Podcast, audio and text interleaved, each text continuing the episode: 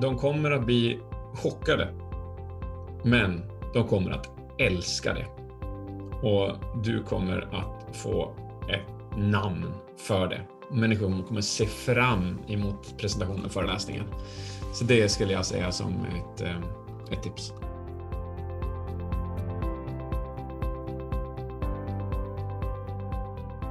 Då var det dags igen. Nytt avsnitt av Konkurrenskraft. Podden där vi pratar om framtidens beslutsfattande, verksamhetsstyrning och ledarskap. Jag heter Robin Askelöv och är marknadschef på Hypegen som ger ut den här podden. Och ni som hängt med ett tag, ni vet ju att Hypegen är ett techbolag inom just beslutsstöd och verksamhetsstyrning. Och temat för podden det håller vi fast vid. För som vanligt eh, så vill vi hitta nya vinklar på hur vi som eh, beslutsfattare kan bli bättre rustade inför framtiden. Och det gör vi genom att träffa intressanta människor med spännande erfarenheter och perspektiv. Idag så ska vi prata om kommunikation och det är en fråga som ligger mig varmt om hjärtat. Det är vad jag har ägnat mig åt större delen av mitt yrkesliv. Och det är ju något krasst sett som vi alla håller på med precis hela tiden, att kommunicera. Det är någonting som alltid har varit viktigt och dessutom bara kommer bli ännu mer viktigt i takt med att omvärlden blir mer full av brus och komplexitet. Att bryta igenom, verkligen nå fram till den man pratar med, är och kommer alltid att vara extremt viktigt. Och vem ska man då prata med? Ja, vad sägs om en person som lyfts fram som en av världens ledande auktoriteter inom kommunikation kvalar in på plats 18 på listan av Global Gurus topp 30 inom just det området. Varmt välkommen eh, David J.P. Phillips. Hur, eh, hur står det till? Jag mår superbra idag. Jättehärlig dag. Tack. Härligt. Jag uttalar ditt namn lite sådär engelskklingande här nu. Eh, jag vet att du är uppvuxen i Sverige. Vad, vad, säger du själv? Säger du David eller säger du David? Ja, du, jag skulle nog säga att det har evolverat fram till att bli engelskt i och med att jag har blivit mer och mer och mer och mer internationell och den här Youtube-framgången så har jag repeterat mitt namn typ hundratusen gånger känns det som den senaste tiden på engelska. Så det, det är engelska nu. Det börjar bli nervetet. Okej, okay. och eh, i coronatider, vi kör det här på länk. Eh, du sitter på din gård i Ramnäs utanför Västerås där du bor. Du kör dina kurser där. Eh, jag var ju faktiskt där på en av dina kurser innan, innan mm. sommaren. Jag vet hur vackert det är där du sitter. Eh, känner du dig laddad och taggad inför ett samtal om kommunikation? Absolut. Alla chanser jag får att prata om kommunikation och ge det till fler människor så ja, finns inget bättre. Underbart. Då kommer jag säkerställa att du får alla de möjligheterna här. Tack. Ehm, du har ju verkligen positionerat in dig som en av de ledande i världen på, på det här området. För att backa upp det påståendet för lyssnarna tänkte jag komma med några nyckeltal som ger lite bakgrund till dig. Um, till exempel känner många till uh, TED Talks som koncept. Ledande figurer inom sina områden delar med sig av sina kunskaper. Där har du verkligen gjort avtryck. Du har flera TED Talks. Eh, och tittar man på några av föreläsningarna, How to avoid death by, How to avoid death by PowerPoint, 2,6 miljoner views. The Magical Science of Storytelling, en annan föreläsning, 2,3 miljoner views. Du har dessutom nästan 200 000 följare i din eh, Youtube-kanal. Det var ju något du för övrigt fick ihop på bara tre månader. Det var helt galet. Mm. eh, och den, den, kan jag verkligen rekommendera, den kanalen. Det är ju klart underhållande där du, du analyserar ju kommunikationen från allt ifrån presidentkandidater och företagsledare till eh, kända youtubers som Pewdiepie och, och andra. Klart underhållande. Ja, det är en lite annorlunda version av mig själv där. ja, nej, men det är, det är verkligen, verkligen rekommenderat. Och sen på temat intressanta nyckeltal. Eh, en annan spännande sak är att du ägnade sju år eh, med att göra 5000 analyser av talare för att samla in data som ledde till att du kunde destillera fram 110 tekniker och framgångsfaktorer i presentationsteknik. Eh, den är mm. superspännande. Mm. Den kommer vi komma tillbaka till. Hur, hur känns det när jag, när jag drar de här siffrorna? Jag, jag, brukar aldrig reflektera över dem i en sån kollektiv form. Jag, jag tror inte jag känner, jag, känner stolthet utan tvekan. Mm. mm. Jag tror, men där, där jag känner, det jag känner absolut mest det är att de siffrorna ger mig möjligheten att ge den här kunskapen till fler människor mm. varenda dag. Och det, varför det är så viktigt är för att jag vet att kunskapen om kommunikation förändrar liv på riktigt. Mm. Jag är bara glad att jag får den den backningen av de siffrorna. Mm. Mm. Ja, men eh, det, det, det är imponerande. Och eh, jag tänker vi ska, vi ska liksom kasta oss in i ett samtal om kommunikation. Vi kommer eh, Eh, vi kommer prata om många aspekter på det, men jag tänker att för att värma upp din röst en smula eh, så kör jag mm. samma frågor som jag kör till, yeah. till alla gäster. Så att, eh, några snabba korta, svar, eller korta frågor och, och snabba svar. Mm. Eh, är du redo? Absolut. Ja. Härligt. När, eh, när har du som roligast på jobbet?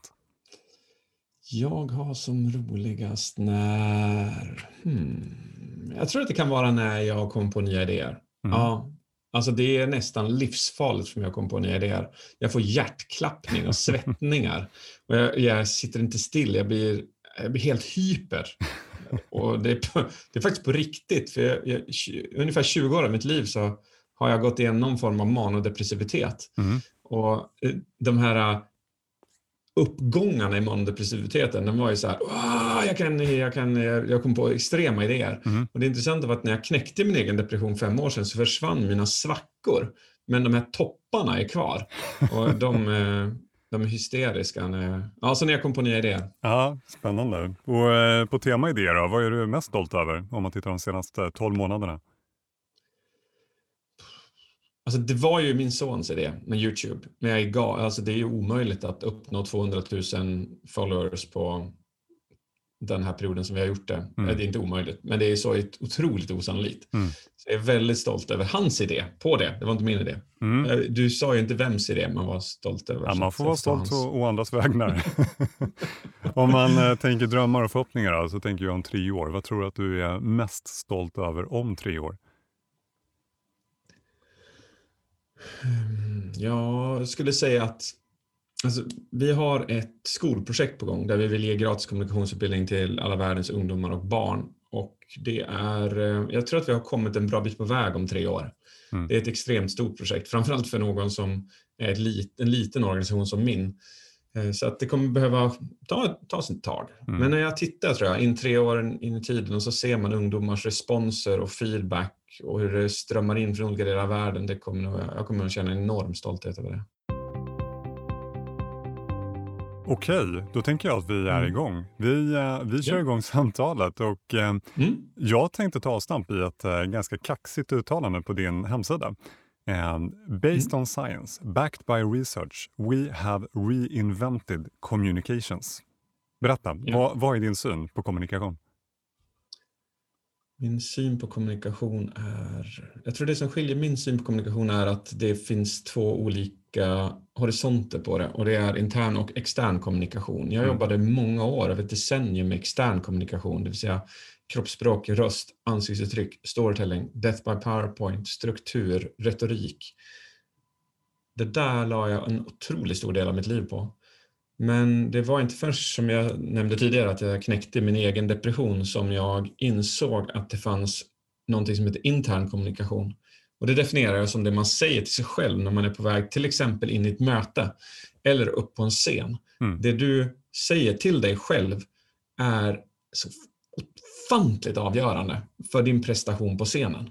Om du till exempel går och säger till dig själv usch det här kommer gå så dåligt, åh tänk om de säger så här, åh tänk om de frågar så här, oj, jag brukar snubbla på det där, tänk mm. om det händer, så kommer du att underprestera fenomenalt mycket versus om du äger ditt, din egen tanke. Och den är precis lika viktig när du går ifrån mötet också. För det mm. finns så många perfektionister som oavsett om de gjorde ett fantastiskt resultat så slår de ner på sig själv om och om och om igen. Mm.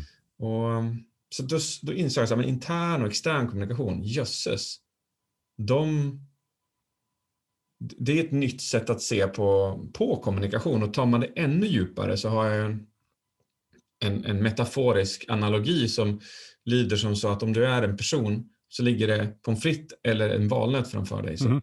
äter personen valnöten.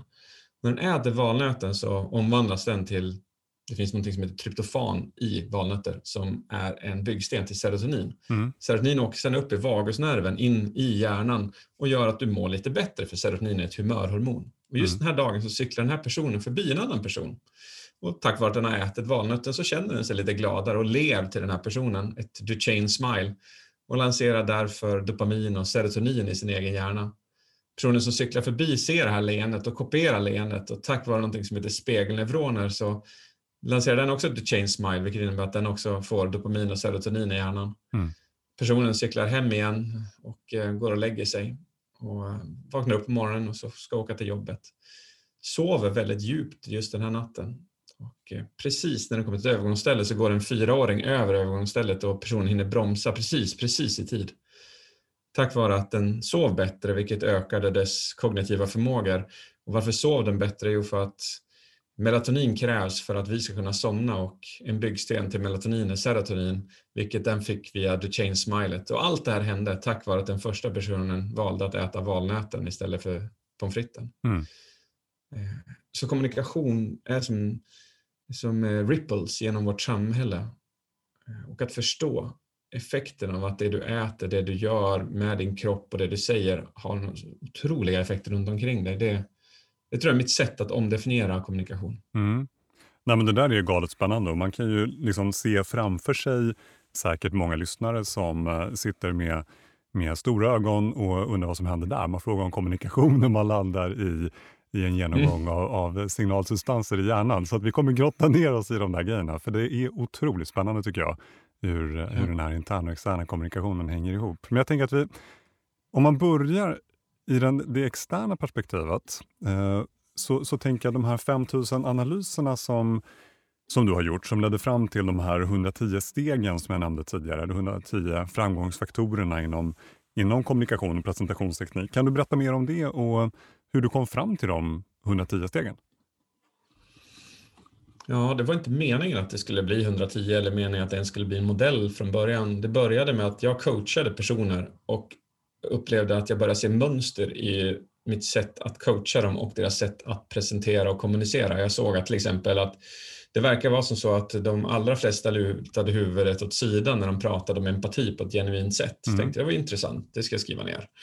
Och sen så, så uppmärksammar jag också att när personer är osäkra till exempel så tenderar de att ta ett steg tillbaka, vilket blir typ som en tell i poker. Så det ska man ju inte göra, man bör ju ta ett steg fram för att visa mm. att man tror på det man säger. Så började jag se ett mönster, liksom som ett matematiskt mönster i människorna jag pratar med. Så tänkte det här måste jag ju skriva ner. Så började jag skriva ner alla tekniker som jag såg att människor nyttjade sig av och börja researcha dem, hitta forskning till dem. Försöka, och det jag inte hittade forskning på, det försökte jag ändå bygga, eh, vad ska jag säga, om, om jag såg 200-300 personer göra samma sak under samma omständighet mm. så an, ansåg jag att ja, men då är det ju sannolikt så. Eh, och Eh, sen efter ett tag, jag tror jag hittade 65 stycken till att börja med och så insåg jag att det här är ju faktiskt väldigt intressant. Mm. Undrar om jag borde systematisera det här. Och då gjorde jag bara en grej av det. Att all, inte all, men den mesta av den fritiden jag hade så tittade jag på presentatörer och detaljerade exakt vad de gjorde, när de gjorde det, hur de gjorde det. Mm. Och ja, jag för mig att siffran var en 160 eller 150 som jag sen paketerade ihop till 110 och la dem lite som under, eh, under skills till mm. huvud 110 skillsen. Om man, om man tittar på alla de här 110 stegen, vilka är de vanligaste felen? Och kan man säga så? Alltså jag tänker så här, sånt som nästan alla gör som man kan, kan ändra för att bli bättre. Mm. Eh, den som... När någon kommer till mig och så säger men vad är det absolut viktigaste? Då säger jag att då, utan tvekan så är det mellanljud. Mellanljud kan du använda om du vill visa eller illustrera att du tänker. Mm. Men bara ibland. För att oftast så använder vi mellanljud när vi är osäkra, otrygga, när vi ljuger, när vi tappar tråden. Då stoppar vi in mellanljud, vilket gör att vi oftast associerar mellanljud till någon som är otrygg. Mm. Och det är ju rätt dumt att framstå som otrygg fast man har koll. Så tittar man på en persons karriär så kan den förändras genom att ta bort sina mellanljud. För det är en sån signifikant icke-verbal signal som säger att du inte riktigt har koll på läget. Mm. Så den skulle jag säga är den som är snabbast att fixa och ger absolut störst effekt. Om man tittar på de som är, är nummer 25. Om man tittar på de som är väldigt vana att stå på scen och som kanske har, har tränat på det. Mm. Vad brukar det vanligaste vara där när du får en sån kund? om man är riktigt duktig redan så brukar det vara det är, jag måste tyvärr säga så här, det är väldigt sällan man träffar väldigt duktiga tekniska presentatörer. Mm. Det, är, ehm, det är inte så jättevanligt. Och om man är en duktig teknisk presentatör så kan det faktiskt det vanligaste vara det att man hamnar i någon form av robotiskt tänk. Man är bokad klockan 10.00, man åker dit, man kör sin föreläsning hyfsat ord för ord med kanske 5% variation. Det som då är viktigt när man gör det sju gånger i veckan är att lära sig att bygga upp sina egna känslor för föreläsningen på kommando innan man går upp. Mm. Så att den blir, föreläsningen blir förankrad i ett känslospektrum istället för att det blir förankrat i någon form av logisk repetition som känns väldigt robotisk. Mm. Så till exempel kan man säga att om jag ska gå in till en publik där jag verkligen vill vara närvarande med min publik, då injicerar jag oxytocin genom att ta upp min telefon och så tittar jag på min dotter och känner hur ögonen tåras. Och hon är så vacker. Och när jag går upp på scenen så känner jag att jag känner mig så stabil och så trygg mm. och så närvarande för min publik. Medan en absolut motsatt kan vara att någon bokar mig så till klockan sju på kvällen och då vet man, då är det mer underhållning som gäller. Då måste jag skratta mycket. Mm. Och då måste jag sätta mig själv i en skrattande position. Så på vägen hit i bilen så lyssnar jag kanske på Hassan i en halvtimme. Jag kanske tittar på Eddie Izzard i 20 minuter och sen går jag in på toaletten strax innan och skarvar hysteriskt i en minut tyst för mig själv. Och då vet jag att nu har jag tankat endorfiner, jag har tankat lustfylldhet i mig själv. Så när jag går in på scenen så skrattar jag åt bara upplevelsen. Och eh, det blir alltid, alltid bättre. Ja, det är ju jätteintressant. Det du säger egentligen då, tolkar jag i alla fall, är att eh, för den som är lite mer nybörjare, då, då handlar det till stor del om att kanske rätta till några saker i sin externa kommunikation. Du nämner mellanljuden, de här utfyllnadsljuden. Medan den, ja. den vana talan, då är det egentligen internkommunikationen, eller hur? Alltså att försätta sig i, i önskat tillstånd innan man levererar. Absolut, därför bägge aspekterna är avgörande för framgången i kommunikation.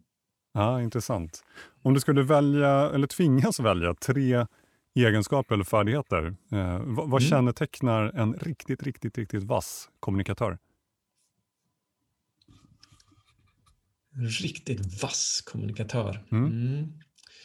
Jag skulle svara att nu, jag vet inte om det här blir en, men det kanske, vi kanske kan räkna det som en. men eh, genom, genom den här resan av de 110 så upptäckte jag någonting som inte jag hade trott att jag skulle upptäcka. Och det var att jag hittade någonting jag kallar för synkronisering. Vilket går ut på att när du kommunicerar så har du fem lager som du kan kommunicera med. Mm. Du kan kommunicera med ordet du väljer, rösten du väljer till det ordet, gesten du använder för att förstärka det, kroppsspråket du använder för att förstärka det och ansiktsuttrycket du använder för att förstärka det. Och om du har en person där alla de här fem lagren är i synk, mm. det vill säga det de säger är exakt samma sak som de uttrycker det med gest, med kroppsspråk, med ansiktsuttryck och med betoning. När du möter en sån människa i en lokal så blir du, du blir inte kär, det är liksom fel ord, men du blir du blir förtrollad nästan. Du mm. känner en sån en omedelbart förtroende för den här personen. Medan så fort du möter en person som har en diskrepans i någon av dessa lager, det vill säga de säger någonting, mm. men betoningen hänger inte med eller ansiktsuttrycket hänger inte med. Så fort det händer så blir du skeptisk. Och då tappar den här kommunikatören ofantligt mycket. Mm. Så om det, skulle, om det skulle kunna räknas som en sak så skulle jag säga det att det är viktigt. De bästa kommunikatörerna är väl synkroniserade i sitt sätt att kommunicera. Mm. Mm, mm. Intressant. Jag, jag, tänker faktiskt eh, att på slutet av, av det här samtalet så ska du få, du ska få coacha några påhittade personer. Eh, så då kommer, mm. vi, kommer vi bli lite mer, lite mer konkreta också. Oh. Så jag låter den ligga som en liten cliffhanger så ska vi gå, mm. gå vidare. För jag vill grotta lite mer också i det här med, ehm, med den interna kommunikationen. För det där är ju väldigt spännande tycker jag med hur du ser på, på kommunikationen. Just att de två delarna hänger ihop, det externa och det interna. Jag tänker att vi, vi ska dyka ner i i några av begreppen som du faktiskt redan har nämnt, men eh, som mm. jag tänker att du ska få möjligheten att lägga ut texten lite mer kring så man förstår bakgrunden och, och kopplingen också till, till kommunikation. Eh, mm. Så jag tänkte jag kommer säga ett ord, eller ett par ord och ett begrepp och sen så kan du egentligen bara fritt svara. Vad, vad är liksom bakgrunden till, till ditt sätt att se på det och vad är kopplingen till, till kommunikation? Så. Ja. Um, så jag tänker börja med, med något som du har nämnt flera gånger nu. Uh, hormoner Kul. och signalsubstanser. Jajamensan. Det är, så vitt vi vet eh, idag så påverkas våra känslor utav, eller våra känslor ligger i korrelation med vilka signalsubstanser och hormoner vi har, dess koncentration och vart de befinns i hjärnan. Och eh, de kan vi påverka genom olika typer av händelser. Så om du, om du hoppar ner i ett isbad till exempel så kommer du få extremt höga doser av noradrenalin, kortisol, serotonin och sannolikt dopamin också. Mm. Alla de här nästan resetar ditt nervsystem och du känner dig som en helt ny människa när du kommer upp. Och du, du resetar liksom dina, ja, eh, dina hormonella och emotionella nivåer. Mm. Så det är svinhäftigt att ha koll på att man kan förändra sina hormoner och signalsubstanser baserat på vilka händelser och handlingar man gör i livet. Mm. Och de hänger ju sen ihop med att eh, om jag, ska, om, jag, om jag vaknar upp och har haft mardrömmar och sen så grälar jag med någon, kanske min fru, vilket extremt sällan händer, men säg att det skulle vara så. Mm. Eh, och eh, sen så vet jag att jag har en svinviktig föreläsning klockan halv tio som ska sändas digitalt. Jag har inget annat alternativ än att jag måste bryta det negativa mönstret jag känner och för att befinna mig där för min kund. Och då vet jag att eh, tar jag det här isbadsvaket jag kanske går på gymmet och kör stenhårt med hög musik, sen så isbadsvaket och sen en meditation på tio minuter. Så har jag nollat den, den, den, inre kommunikationen som förut var väldigt negativ och hade påverkat min föreläsning otroligt dåligt. Mm. Till att den är helt nu nollställd och jag mår superbra. Och nu går jag bara in och äger den där föreläsningen. Mm att, att välja sitt tillstånd, eh, eh, den interna kommunikationen för mig. Och sen så i förlängningen så handlar det också om det du äter. Äter du skräpmat hela tiden så föder det förutsättningen till att din hjärna kommer att underprestera avseende din psykiska hälsa och det du säger till dig själv. Mm. Ja, intressant. Mm. Okej, vi går vidare med, med, nästa ord. Det här ordet har du inte nämnt, men jag vet att det är viktigt för dig. Mm. Eh, uh. nu. Eh, neuroplasticitet. ja, vad bra att du tar upp det. Ja.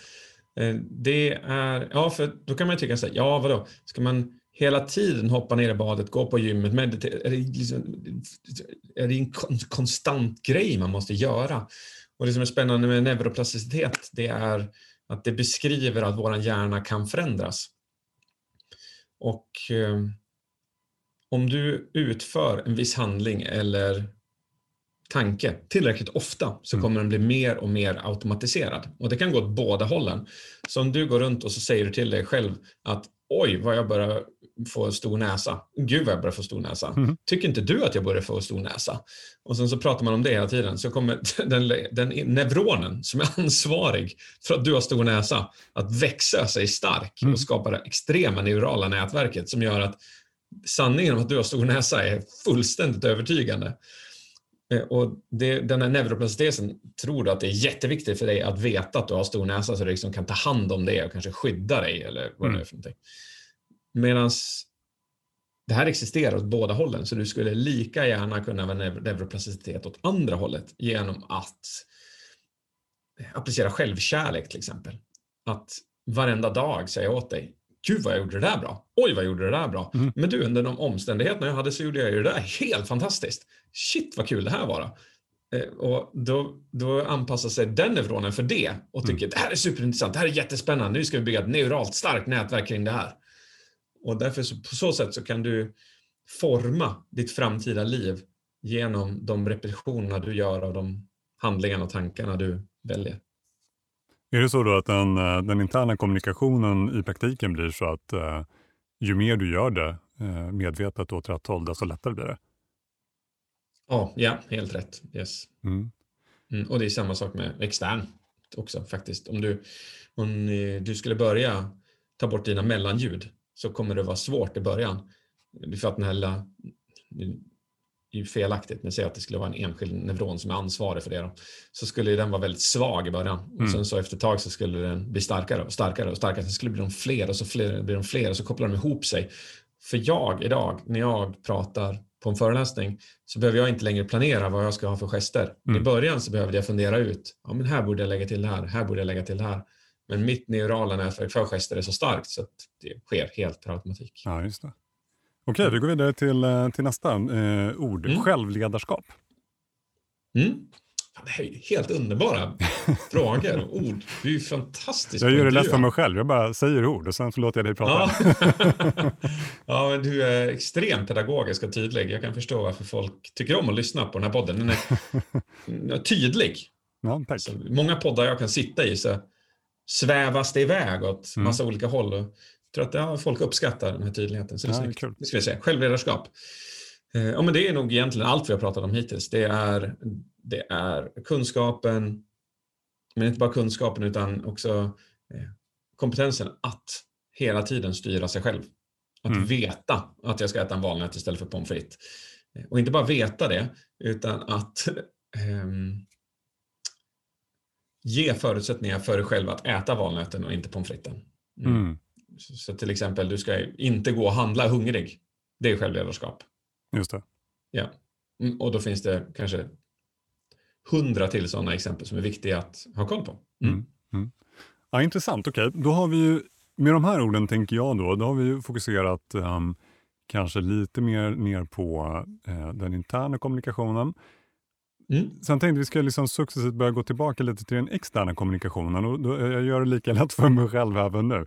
Jag tänkte att jag ska skicka ut eh, några rubriker till dig som egentligen är, är, är det, är ju sånt som är välbekant för dig, för det är ju egentligen rubriker på eh, föreläsningar och kurser du har haft eh, och har. Ja. Och då tänker jag kan det vara rätt intressant att bara få några ord från dig. Liksom, vad är bakgrunden till dem? Och framförallt kanske vad är liksom key takeaways från dem som, som man kan ta med sig härifrån? Ehm, Så lite samma tema, känns det okej? Jajamensan. Kör. Ja, då, då börjar vi ehm, lite kronologiskt kanske bakifrån. Men jag tänker till att börja med Beth by PowerPoint. Var kommer den ifrån och vad är liksom key Mm. takeaways där? Det kommer sig från att det är eh, ett, ett det, det, finns ett allmänt missförstånd och det är att en PowerPoint eh, kan, är en presentation. Och så är det inte. Människor kommer alltid att köpa det du säger, dina värderingar, den här synkroniseringen. Mm, PowerPoint kan användas som en förstärkning eller förtydligning av det du säger. Mm. Men när jag ser hur människor tror att Woo! nu har jag 30 minuter presentation, då bygger jag 30 minuter PowerPoint. Japp. Åh, det gör mig mörkrädd. För det, det, kommer bara, det kommer bara leda till missförstånd och det kommer inte leda till någon speciell upphetsning eller uppvarvning av energi. Det är, eh, det det är bara så här, vill du, vill du ha tydlighet, vill du ha handling, vill du ha människor som ville vara med på tåget Mm. så är inte PowerPoint rätt. Eh, Och ja, det, bara, det missanvänds på, på väldigt många, av väldigt många. Mm. Vad är de viktigaste budskapen då som du eh, skickar ut från den föreläsningen? Ska man köra PowerPoint så är det att reducera text, mm, sex objekt eller färre, använd bilder, använd filmer, använd diagram, kör mörk bakgrund och eh, kom alltid ihåg, alltid ihåg, det absolut viktigaste, det är att du är presentationen. Du ska aldrig låta PowerPointen, eller jag ska inte säga, säga aldrig, men PowerPoint ska väldigt sällan vara i fokus. Gå vidare till nästa. The Magic Science Ja. Behind Storytelling. Samma sak där, bakgrund och key takeaways. Mm. Den... Eh, I och med att jag har gjort det här nu i, i väldigt många år, jag vet inte, det kan det vara en 15-18 år totalt sett, så har jag under den här resan sett att storytelling är det som trollbinder, som förflyttar, som skapar effekt, som säljer, som marknadsför bättre än något annat enskilt verktyg som existerar på den här planeten. Och i och med att det finns en sån kraft i storytelling så vill jag verkligen också i det fallet typ återuppfinna storytelling för människor och verkligen få dem att begripa effekten av det. Mm. Så i den så berättar jag tre stories som producerar tre olika emotionella tillstånd. Och fastän jag säger åt dem att nu kommer det hända och så ser man hur människor lägger armarna i kors och säger du, du rår inte på mig grabben. så åker de ju dit på det. För att storytelling har en sån infiltrerande funktion i hjärnan. Mm. Och ehm, key takeaways på den det är bara ett, alla är storytellers. Två, lär dig bara strukturera dina stories bättre och tro mer på dig själv som storyteller.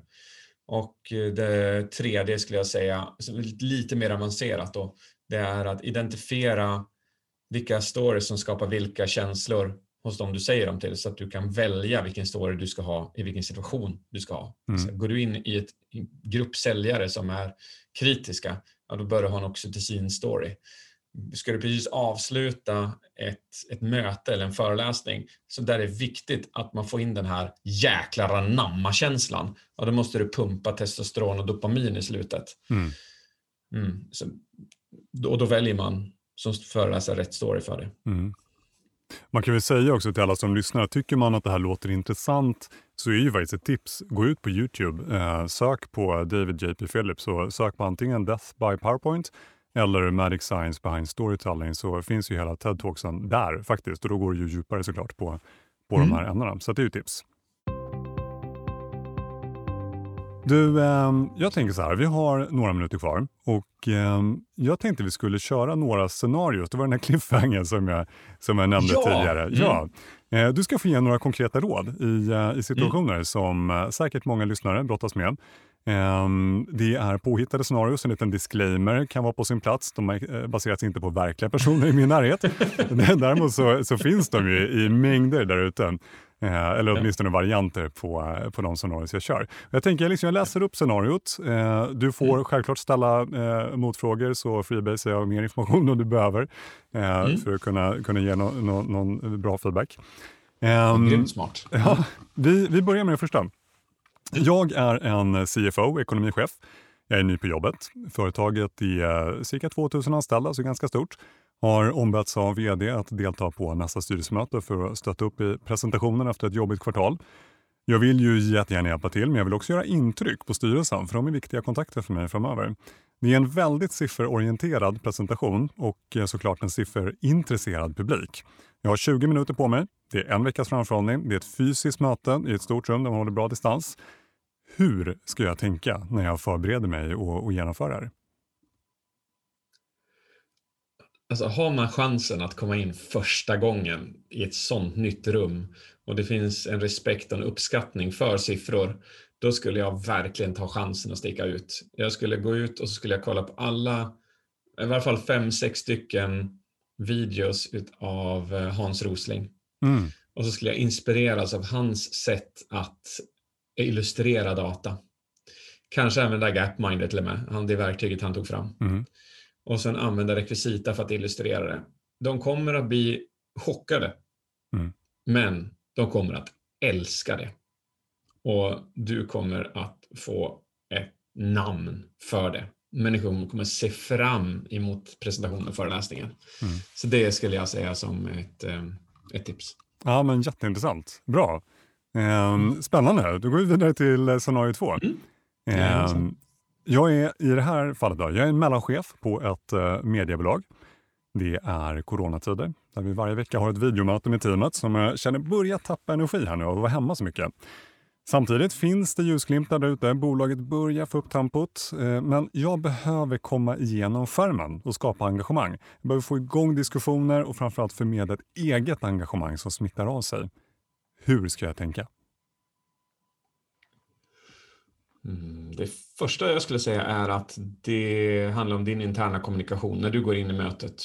Så försätt dig själv i det tillståndet som du vill att de andra ska känna. Mm. Boosta upp ditt, eh, din motivation, lyssna på Går man ut på, på Spotify så kör motivational speeches. Man bara darrar efter att titta på dem, eller lyssna på dem i 20 minuter.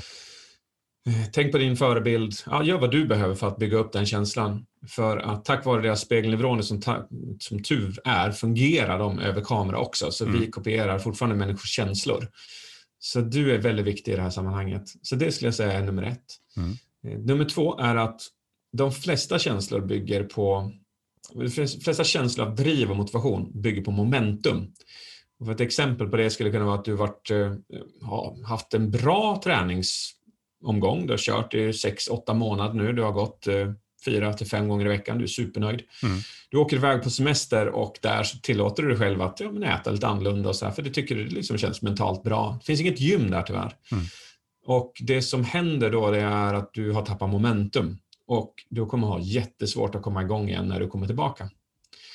Eh, och Det här med momentum och dopamin innebär att problemet nu med covid är att när vi är på kontoret så hör vi vi hör hur människor pratar. Vi hör hur momentumet är. Vi hör hela tiden i, i kafferummet, på mötet, över, kanske överhör någon när de pratar. Man känner att det finns ett momentum hela tiden och det bygger på dopamin. Det här uppstår inte på samma sätt nu i covid, för vi hör inte de där mellansnacken hela tiden, så det här Mm. momentumet försvinner. Sant. Och eh, vi har löst det i min organisation på så sätt att vi har fredagsmöten där vi tar upp allting positivt som har hänt under veckan och eh, låter det, vi spär liksom på momentumet en gång i veckan på det sättet. Men vi har också fasta kamerainstallationer i fikarummet där vem som helst i teamet som sitter någonstans i världen kan logga in när som helst, 24 timmar om dygnet Mm. och bara hänga med på mötet. De kan sitta med hela dagen på videokonferens och höra mellansnacket. Eh, Och jag ska säga de två konkreta lösningarna. Mm. Intressant.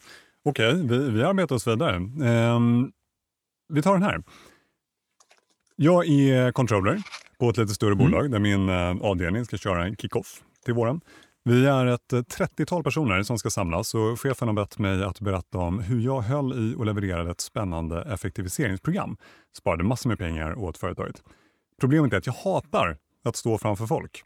Men eftersom både min chef och delar av ledningsgruppen är på plats så inser jag att det här kan göra skillnad för min karriär. Hur 17 ska jag förbereda mig? Det beror på hur långt innan, sa du det? Hur långt innan fick Nej, men det? vi kan säga att man har en månad på sig. Okej. Det första jag skulle säga det är att eh, lös din interna kommunikation. Vi, vi lär oss att hata saker. Vi föds inte att hata saker. Mm. Så om du hatar att stå inför människor så har det fötts någonstans under tiden. Och den här neuroplasticiteten som du nu har möjlighet att nyttja innebär att du kan forma om det där och det är lika bra att du gör det. Så gå inte runt och hata det, utan från dag ett när du hör det här så bara börjar du säga till dig själv jag älskar att stå framför människor. Jag älskar att stå framför människor. Jag Mhm. älskar att stå framför människor. Och sen så försätter du i små situationer där du försöker få ut det bästa ur, ur situationen och verkligen bara, det där var kul och det där var kul och det där lärde jag mig, det där var bra. Mm. Eh, Så att du förändrar ditt interna självledarskap och din interna kommunikation under den här resan. När du väl kommer dit, och det är eh, dagen det, så skulle jag säga att ladda upp med dopamin, ditt varför. Känn det här, känn hur mycket det här betyder. Vad händer om det eh, vad händer om du får igenom det? Hur kan det se ut? Visualisera framtiden, effekten utav det här. Mm. Och eh, så kommer du kunna stå där. Jag, om, om du sätter mig i en situation där jag på, av någon anledning skulle vara kanske, jag mår dåligt, jag är, jag är sjuk, jag är förkyld kanske, Mm. Eh, jag har covid, jag eh, sov dåligt, jag har huvudvärk. Men jag har en föreläsning med 2000 lärare. Då kommer jag att inför den säga så här till mig själv. Om inte jag står där, om inte jag levererar max, så kommer ungdomarna, eleverna till de här 2000 lärarna inte få rätt förutsättningar i livet. Mm. Jag ska göra det här. Du vet, varenda hår kommer ställas på min kropp. Jag kommer känna sånt driv att jag kör över hela mitt hälsotillstånd och så ställer jag mig framför kameran och så bara öser jag. Mm. Och, ja, de två grejerna skulle jag säga. Ja, okej. Ja, men tack eh, Da- David, David, David. Där slutade vi börja. Mhm, ja. Ehm, så här, jag tänkte att vi ska börja runda av. Jag är så himla glad för att du ville ställa upp och vara med i den här podden. Mm. Och eh, Du har skickat in så mycket bra saker. Eh, för, för alla lyssnare, ni som har varit med ett tag, ni vet att jag alltid brukar ha med mig någon bok, någon managementbok som jag tipsar om. Det har vi inte gjort den här gången. Eh, för jag valde lite andra infallsvinklar. Men jag tänkte ändå skicka med ett tips utan att vi pratar om det.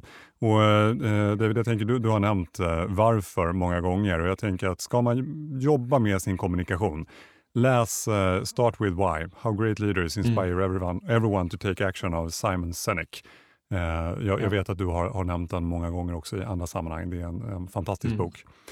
Men eh, med det sagt David, alltså återigen, stort tack för att du ville vara med. Verkligen. Mm.